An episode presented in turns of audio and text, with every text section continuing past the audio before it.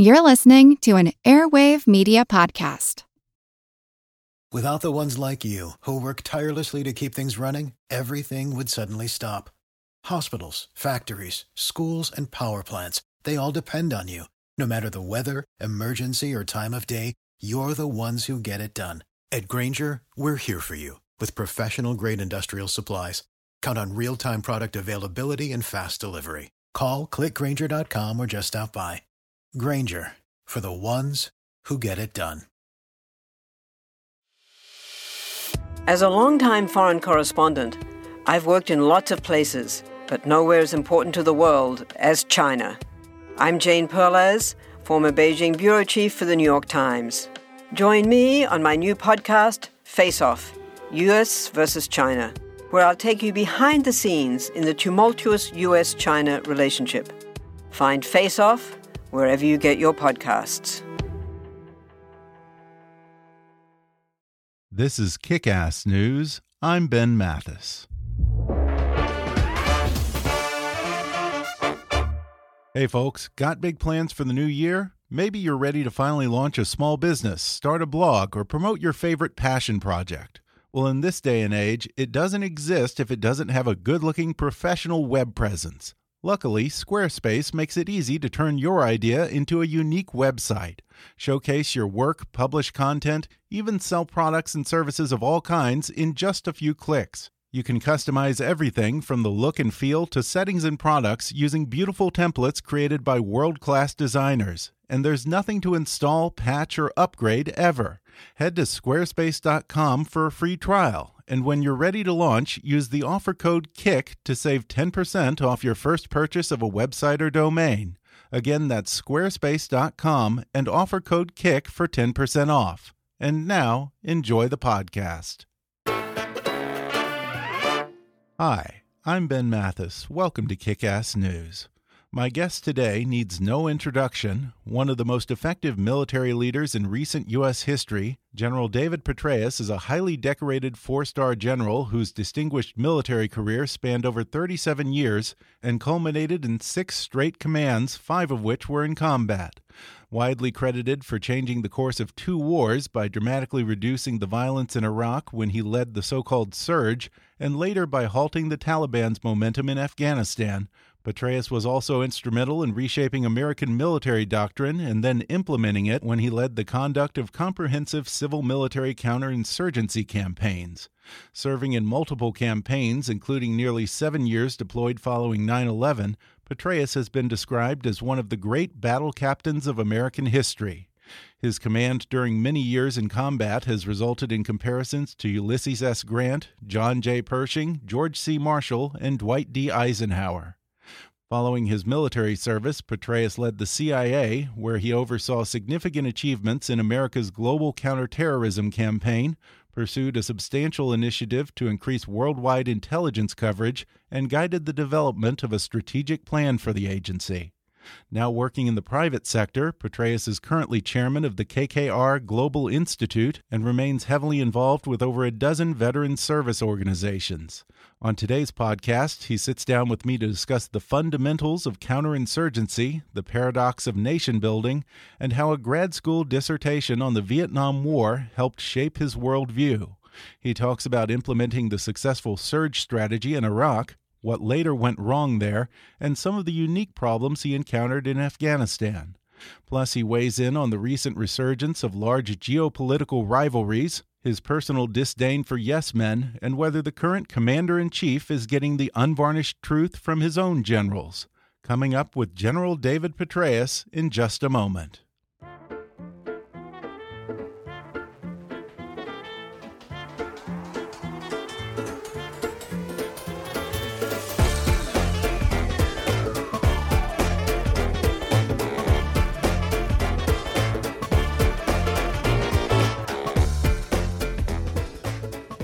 His 37 years in the U.S. military, retired four star General David Petraeus served as commander of the 101st Airborne and then commanding general of the multinational force in Iraq.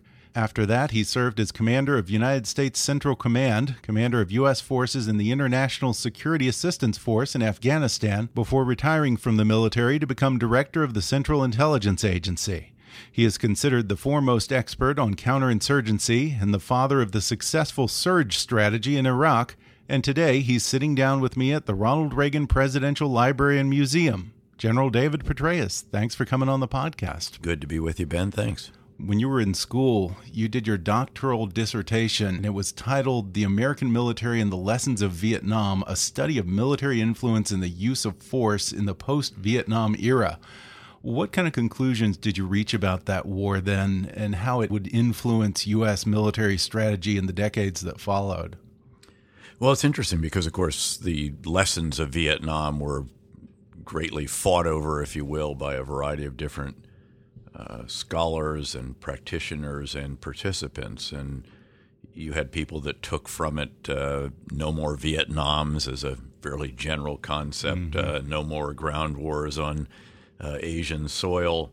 Um, never again in these kind of murky counterinsurgency si- uh, situations. Um, in fact, even shouldn't have the capability or the uh, knowledge and practice uh, for conducting counterinsurgency operations. And I drew somewhat different conclusions. Uh, I actually came away from that recognizing, to be sure, the extraordinary challenges of uh, fighting uh, on that soil in those circumstances in support of leaders who were, uh, to a degree, out of touch with their own people. Mm-hmm. Uh, again, spoke a different language, a different religion, and saw themselves as a an elite uh, rather than the peasants uh, who were out in the villages and so on. But having said all that, uh, I came away from that thinking that uh, we very likely would be engaged in such a, a conflict again, uh, where we would not just be doing offensive and defensive operations, but also stability operations. And it's mm-hmm. the combination of those three, of course, that distinguishes a counterinsurgency campaign from say, a major combat operations campaign such as Desert Storm. Uh, and I thought, therefore, we probably ought to have both the intellectual concepts and some military capabilities uh, for the conduct of such operations.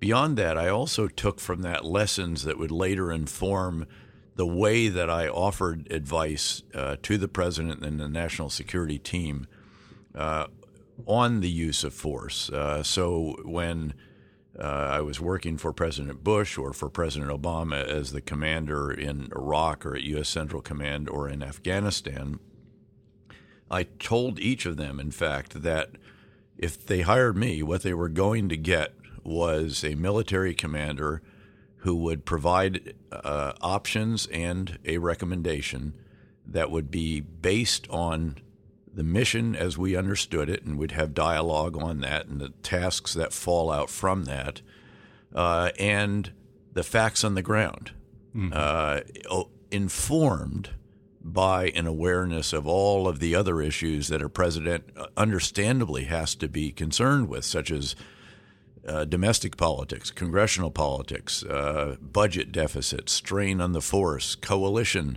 uh, politics, you name it. Um, but driven again by the facts on the ground. And so, at a later period, in fact, during the uh, discussion on the drawdown pace in Afghanistan, at the end of three meetings that covered about a week's period of time, I came back to Washington from Afghanistan to do that.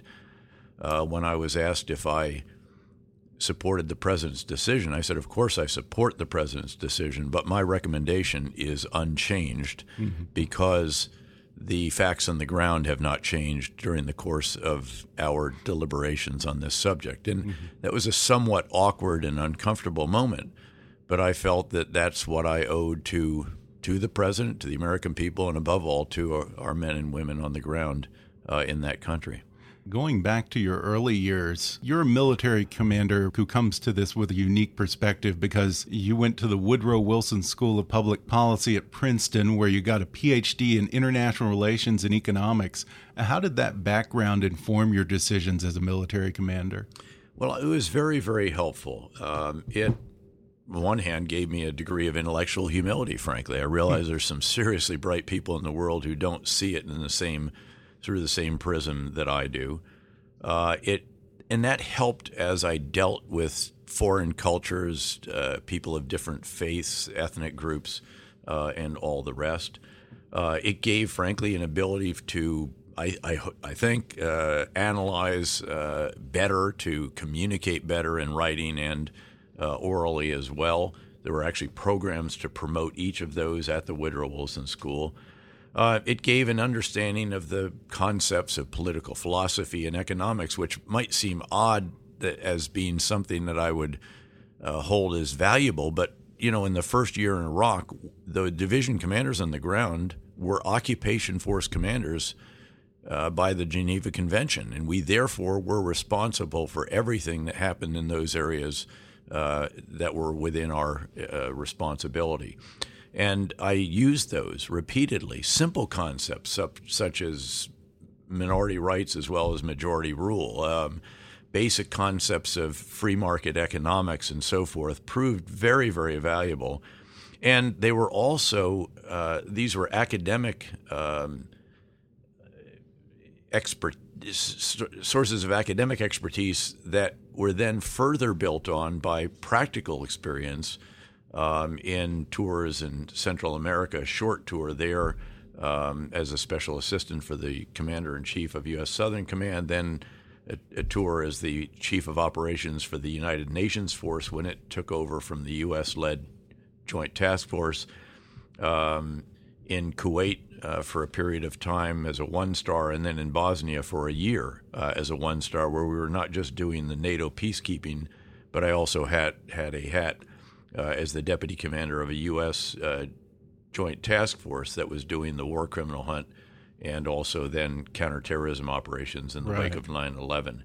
So when you put all of that together, uh, and then also, frankly, just my sheer curiosity and, and, and uh, interest in the history of, say, the French in Indochina, of course, the U.S. in Vietnam, the British in uh, Malaya and in uh, Oman, uh, a variety of these irregular wars uh, that were so intriguing to me. Uh, and I'd, and I'd like to think that that did help and provide the intellectual foundation uh, that did help us as we were developing our campaign plan in the 101st Airborne mm-hmm. Division area after the fight to Baghdad at a time when we got very, very little guidance. Well, when you were commander of the 101st Airborne in Mosul, you were able to put a lot of these ideas into practice. Mosul has been, of course, famously problematic, but it experienced a period of relative calm while you were there. In achieving that relative peace in Mosul, talk about some of the programs that you implemented that helped balance that carrot and stick approach to counterinsurgency. Maybe the, the programs sure. that weren't necessarily acts of force Absolutely. but some of what you were talking about from the economic and international relations well, we perspective. set about right away.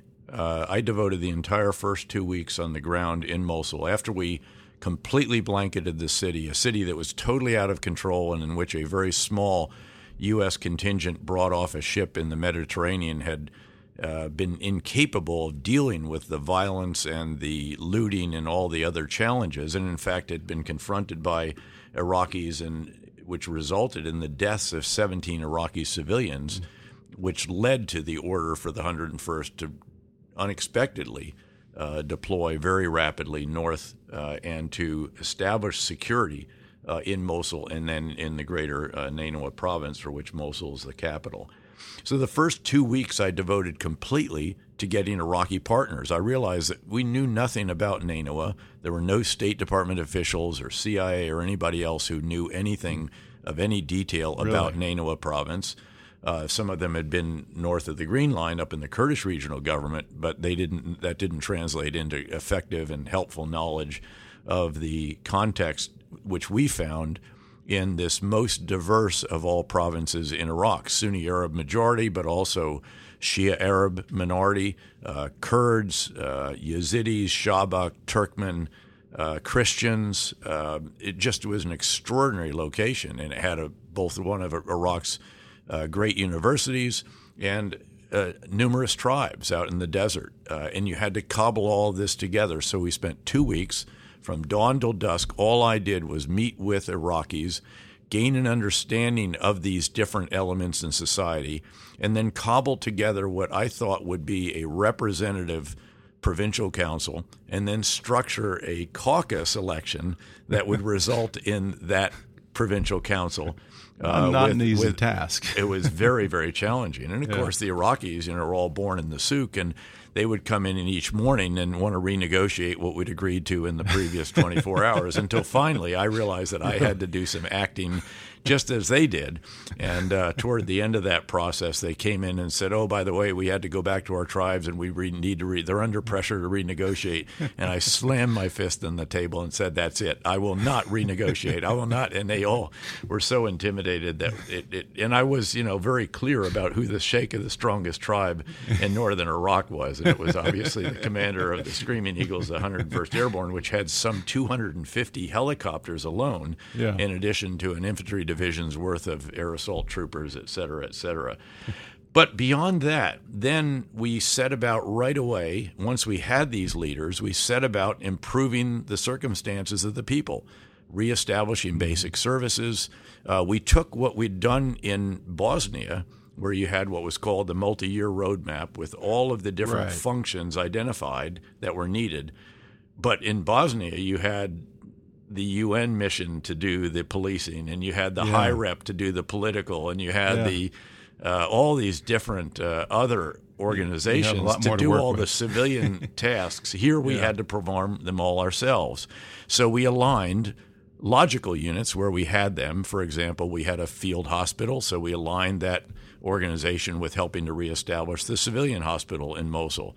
Um, we aligned a signal battalion with the Ministry of Communications and even brought in a satellite shot truck that could enable uh, uh, international calls, the only place in Iraq that had it. And by the way, we were making money with it for the Iraqi government. We reopened the border.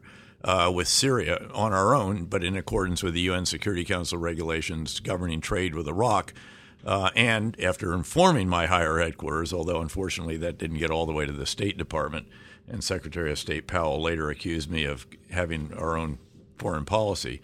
But beyond that, uh, we then, so every single ministry activity had a counterpart uh, in our organization responsible for helping to reestablish mm-hmm. that ministry activity and its functions.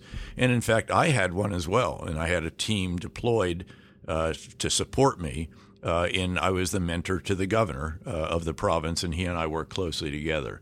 Beyond that, when the twin catastrophic decisions that set back progress so dramatically in most of Iraq uh, were were made. This was firing the military without telling them what their future was for mm. five very tough, hard weeks of bigger and bigger demonstrations, and then firing the Ba'ath Party all the way down to level four, which included tens of thousands of Iraqi bureaucrats, many right. of whom we needed to run that country. And by the way, in the case of Mosul University, for example, had somewhere around 110 or 120 tenured faculty members were all level four. Uh, that lowest level, but was that was ex- excluded from hmm. society now, basically thrown out of everything that they had, not just their job, but their station in life, their house, their car, their uh, very reason for existence with no prospect for employment anywhere in Iraq because it's only the government that ran uh, the different entities and organizations that could hire those individuals.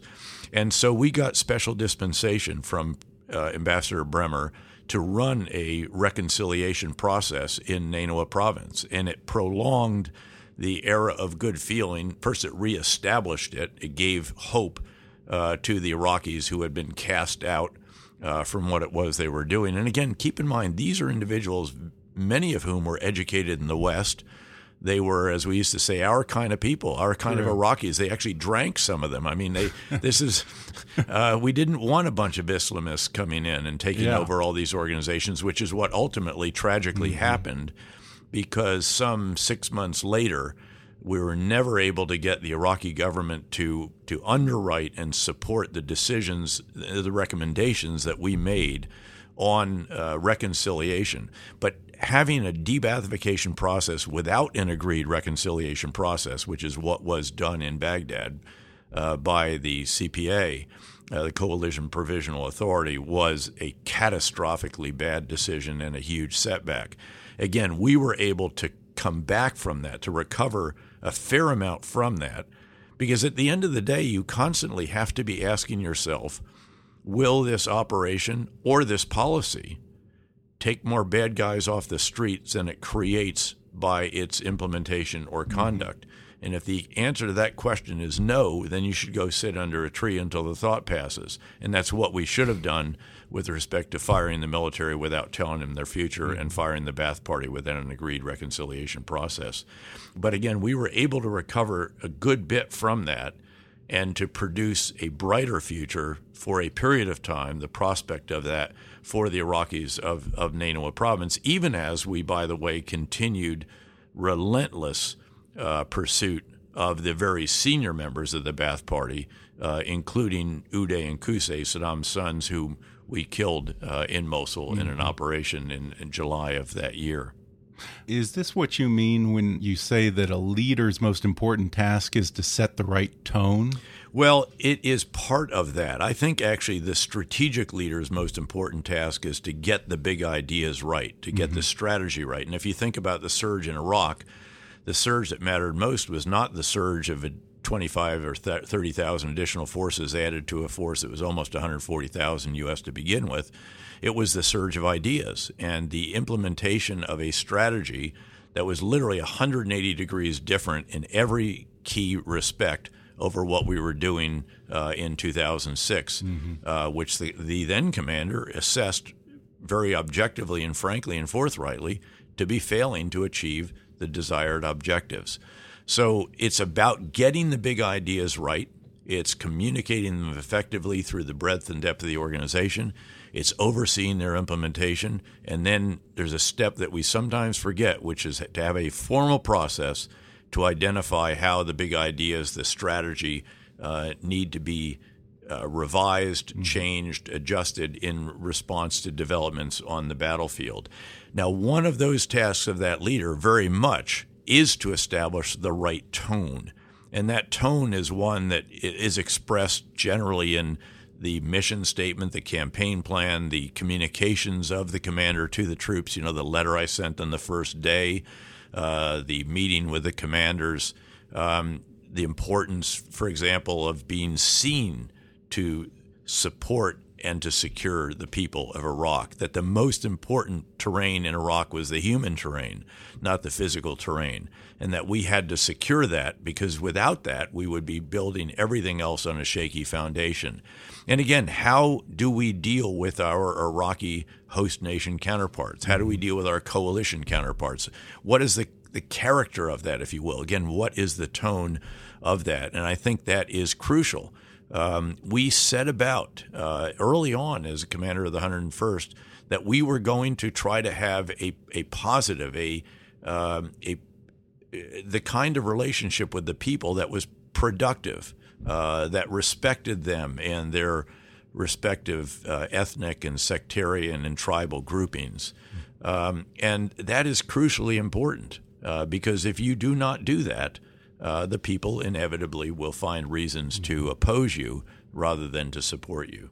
We're going to take a quick break, and then I'll be back with more with General David Petraeus when we come back in just a minute.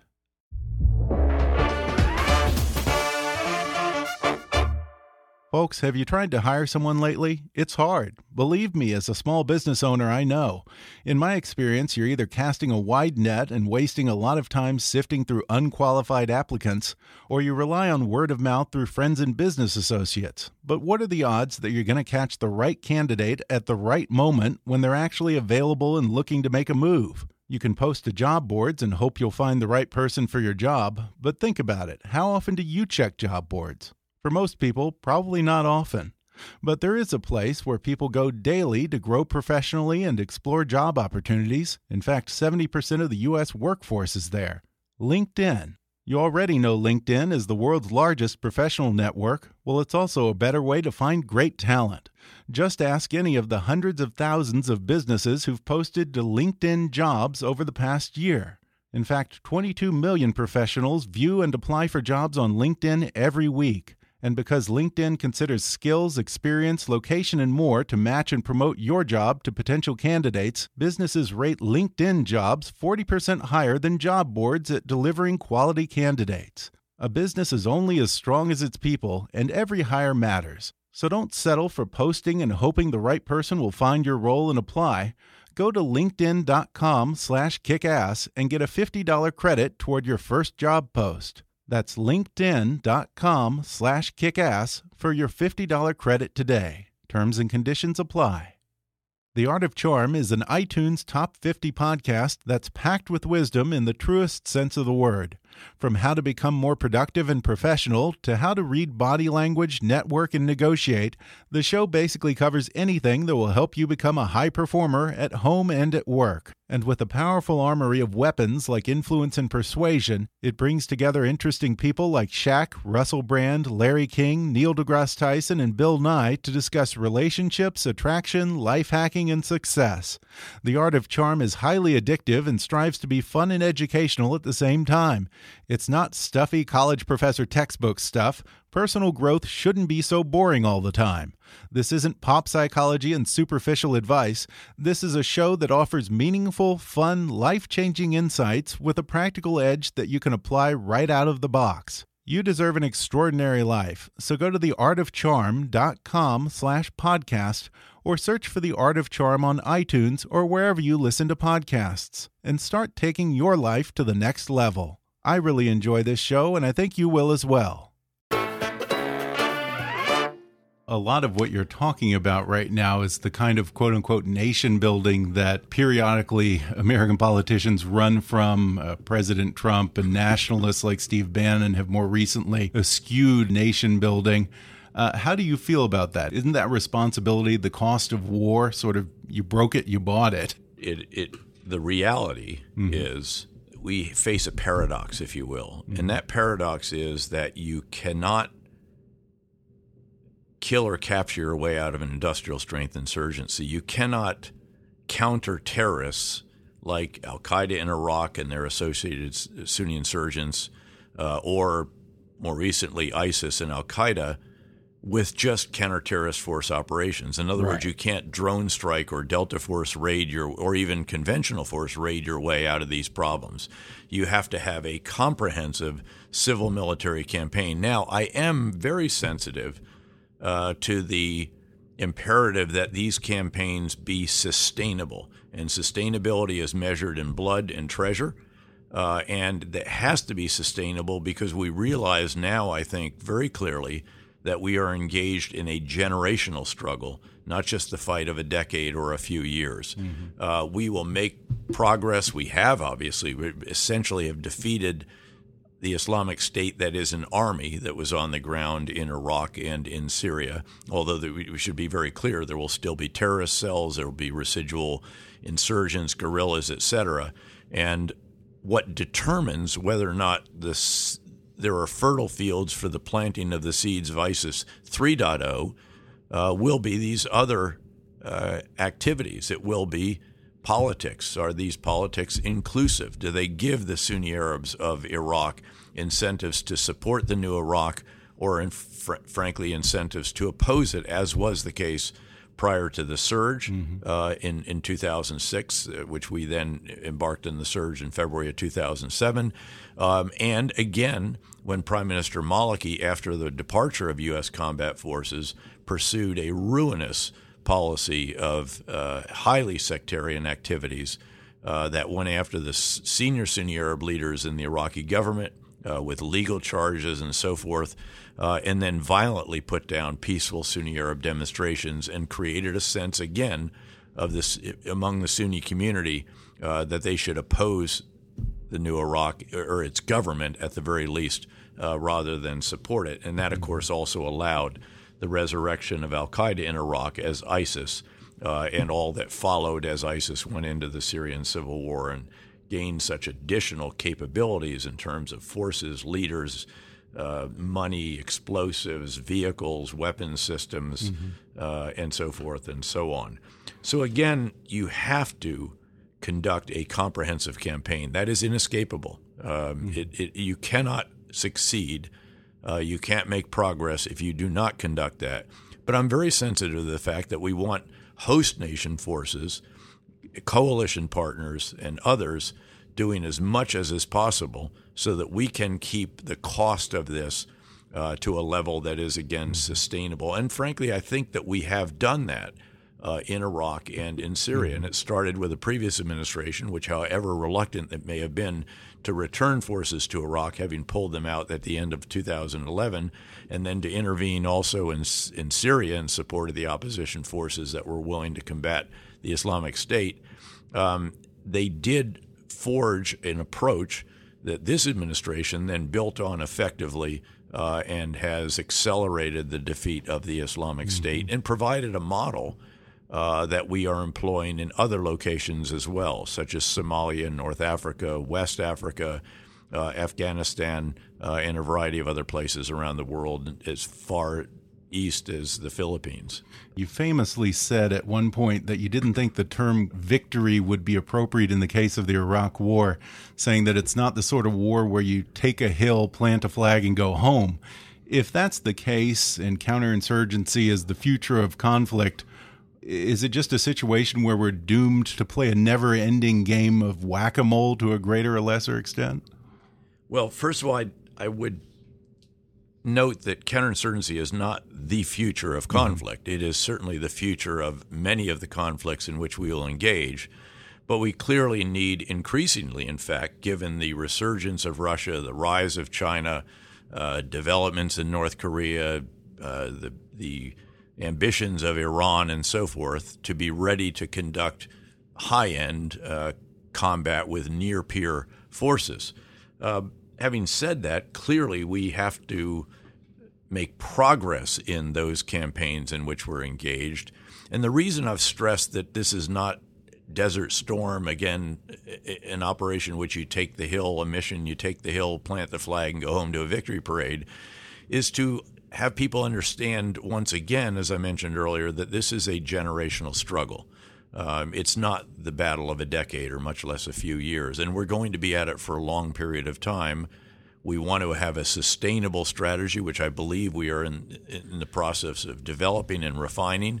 Uh, but nonetheless, uh, this is going to continue. We may be able to make the kind of progress that we have seen in Iraq and in Syria and thereby draw down our forces but not go home. Mm-hmm. We need to stay engaged. And in fact, in Iraq now, I would contend that we're now seeing what I have always termed the most important battle uh, being waged, and, and that is the battle after the battle. I hmm. really never doubted that with our uh, advice, assistance, training, and equipping, and above all, enabling uh, of by the U.S. and coalition forces of Iraqi security forces that we could reconstitute them, resurrect them, and then help them uh, to defeat the Islamic State. Hmm. I was very confident that would be the case. It certainly took more than a couple of years, but it proved doable. The battle that's actually tougher, the battle after the battle, is the struggle for power and resources uh, in a country that has many uh, ethnic, sectarian, tribal, and political centrifugal forces pulling it apart, but also some important centripetal forces, one of which is certainly uh, the central government's distribution of oil revenues, which are very substantial and gives Iraq a real leg up uh, over, say, a country like Afghanistan, which can barely get 1% of the kind of revenue mm-hmm. uh, that Iraq can generate. Would you say that that was one of the key differences in terms of the difficulties in dealing with Iraq versus Afghanistan? Well, there were many difficulties, uh, mm-hmm. many differences between Afghanistan and Iraq. And in fact, interestingly, uh, after the the tour in Iraq, uh, 15 and a half months, as the three star uh, commander of the train and equip mission, the so called Multinational Transition Command Iraq, and also NATO training mission in Iraq. Secretary Rumsfeld asked me to come home through Afghanistan. Uh, and his, his way of rewarding you, I guess, for a job somewhat well done, uh, and to do an assessment there. And so we dutifully did that. A team and I went over there, uh, spent a week or more there and then came home. And the very first slide that I showed him in the presentation uh, after returning was titled Afghanistan does not equal Iraq. and it laid out all the different uh, areas by which you might compare those two countries. Uh, and certainly the inability to generate revenue uh, was a huge difference for Afghanistan compared to Iraq. But the bigger difference, frankly, was the fact that the uh, insurgent groups uh, and terrorist groups that were plaguing Afghanistan and seeking to undo what it was that we had helped Afghans achieve uh, had their headquarters and their mm-hmm. leaders outside the country in sanctuaries in Pakistan, down in Baluchistan in the case of the Afghan Taliban around Quetta, and then in North Waziristan in the federally administered tribal areas uh, in the mountainous western part of Pakistan, where you found the Haqqani network, the Haqqani Taliban, as they're sometimes referred to, Al Qaeda, the Islamic movement of Uzbekistan, and others. That's where their leaders and headquarters uh, and training bases and so forth were all located. That created enormous difficulties because you certainly want to reconcile or reintegrate, as we use the term, in Afghanistan with the rank and file. But at the same time, you also want to relentlessly pursue the irreconcilables, and these are the senior leaders. And if they are out of your grasp because they don't come into the country, uh, you have a significant challenge on your hands. Beyond that, there were a number of other. The illiteracy rate in Afghanistan vastly higher to the point we actually had to have basic skills education programs in the basic training for the Afghan soldiers so that they could actually read a, the license plate number that might be on a BOLO list, be on the lookout list. Yeah. Uh, the lack of infrastructure, the lack of uh, understanding of central government, the lack of human capital, all of these. And then, by the way, the terrain, we might say again that the human terrain is a decisive terrain. Well, Afghanistan also has some very serious yeah, uh, geographic sure. terrain yeah. uh, in the form of the Hindu Kush Mountains, vast hot deserts, and all the rest. Yeah. Now, looking back, do you see actions that could have or should have been taken in Iraq and Afghanistan that might have prevented or at the very least blunted the rise of ISIS in the region? Certainly, sure. Um, if we had, and no guarantees, but if we'd been able to keep our forces in Iraq, at the very least, one of the intentions of that, and keep in mind I was the director of the CIA at that time, was right. to help our Iraqi counterparts in the counterterrorism service and the intelligence services to keep Al Qaeda in Iraq down, keep them defeated, destroyed, really. They were on their stomach, if you will. Mm-hmm. Um, and instead, when our forces pulled out and Prime Minister Maliki didn't allow us to provide some of the assistance that he had actually requested earlier, uh, and then did not follow through in, in allowing to deploy, uh, Al Qaeda in Iraq was not targeted as relentlessly as needed to be to keep them down. They were able to get back up on their, their knees, then on their feet and then, of course, the Sunni Arab part of the country became more receptive to them once again because they saw the government in Iraq pursuing highly sectarian policies, targeting them. Uh, rather than trying to keep them inside the fold and reneging on the agreements that were made during the reconciliation process, during the the uh, Anbar awakening and the Sahwa, as it was called, uh, particularly with respect to the sons of Iraq, uh, these individuals who are part of insurgent groups or uh, Shia militia elements as well that then ended up reconciling with the government and, and being taken care of in some fashion, a fairly inexpensive fashion, I might add, compared with the cost of having to pursue combat operations against them. Uh, depending on who advisors are serving, there can be a tendency on their part to sugarcoat the truth or give a commander only the news they want to hear. Along those lines, many of the people who've worked under you have praised your respect for bluntness and realism, saying that you always wanted the straight truth no matter how ugly it was. Do you think the current president is getting the straight, unvarnished facts from his military advisors? Uh, I, I generally do. Uh, certainly those who are in the national security team. Uh, and keep in mind that one member of that team is Lieutenant General H.R. McMaster, mm -hmm whose doctoral dissertation was published as a book with the title Dereliction of Duty, which was his characterization of the performance of mm-hmm. the uh, chiefs of staff, the Joint Chiefs, uh, and frankly also of the president and his national security mm-hmm. team uh, during the Johnson administration. Uh, and I tried very, very hard, uh, not just in dealing with the press, but in dealing with our own leaders to be first with the truth. In fact, that was the goal I established for our public affairs officer. I said, we're not going to put lipstick on pigs.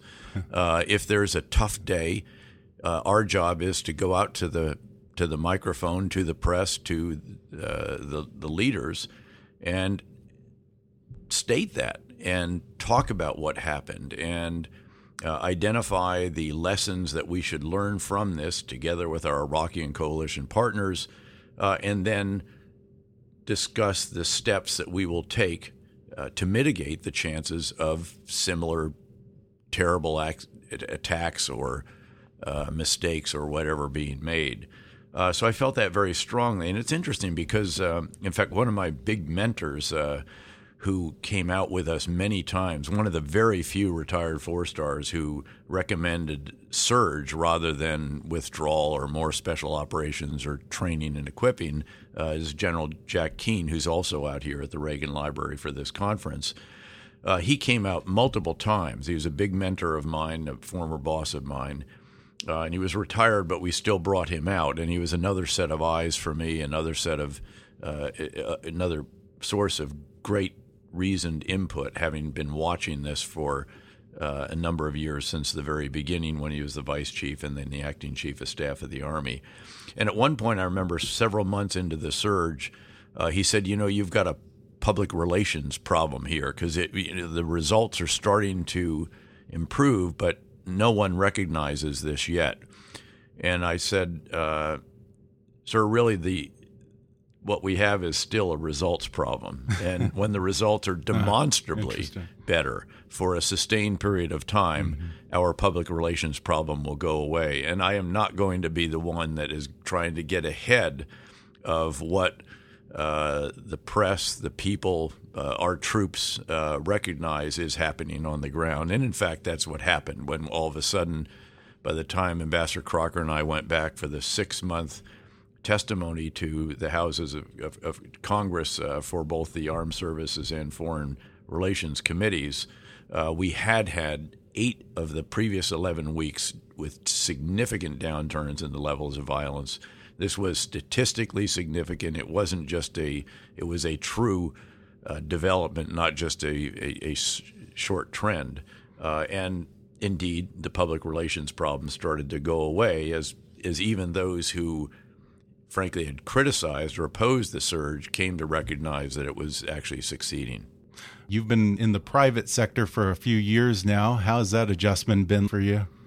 It's been wonderful, frankly. I've yeah. been very, very fortunate in my post-government life. It's uh, we're over five years now. Uh, I have been with uh, KKR for over four and a half years. This is one of the largest investment yeah. firms in the world, uh, well over 150 billion dollars under management and I was made a partner three and a half years ago. I chair the KKR Global Institute, which does the geopolitical risk, macroeconomic, uh, and environmental social governance issues analysis for our prospective deals, helps the 150 plus companies in which we're invested around the world, and also provides uh, a lot of support to our investors who are all trying to understand the world in which we're investing as well. I have academic affiliations with the University of Southern California. Uh, Go Trojans, who won the Pac 12 yeah. championship last night against Stanford. And I, I was there uh, with Harvard as a senior fellow. I taught indeed for three and a half years at the City University of New York once a week uh, until that just became uh, too, too much, frankly, uh, of a burden. On the board of a, the major cybersecurity services, pure play services firm in the world, um, support for think tanks uh, engaged in venture capital. so you haven't uh, slowed with, down with investments much. in 13 startups, wow. several of them multiple times, yeah. uh, and then uh, support to well over a dozen mm. veteran service organizations. So it's a busy, uh, intellectually stimulating, um, I'd like to think productive and rewarding set of engagements, yeah. and I still get home for the family uh, on most weekends. Yeah, sounds like you've got a lot on your plate. Uh, if the president called, would you be interested in serving again? Well, I mean, I was. Uh, we talked obviously about Secretary of State. Mm-hmm. Um, had a very good meeting with the president, at least based on the tweet, the, mm-hmm. the generous tweet that he gave after that meeting. Uh, I can certainly understand why uh, he might look at Rex Tillerson, the leader of the largest firm in the entire world as an attractive uh, uh, partner for his administration. Uh, I have continued to provide advice and thoughts and so forth to a variety of members of the uh, administration and those on Capitol Hill. Um, and, you know, we'll see what the future might hold. All right. Well, Thanks, General Ben. Petraeus, thanks so much for talking with me. Again, a pleasure to be with you. Once more, I want to thank General David Petraeus for coming on the podcast and for his 37 years of service. If you haven't already, be sure to subscribe to Kickass News on iTunes and leave us a review. You can follow us on Facebook or on Twitter at, at KickassNewsPod. And as always, I welcome your comments, questions, and ideas at comments at kickassnews.com. I'm Ben Mathis, and thanks for listening to Kickass News.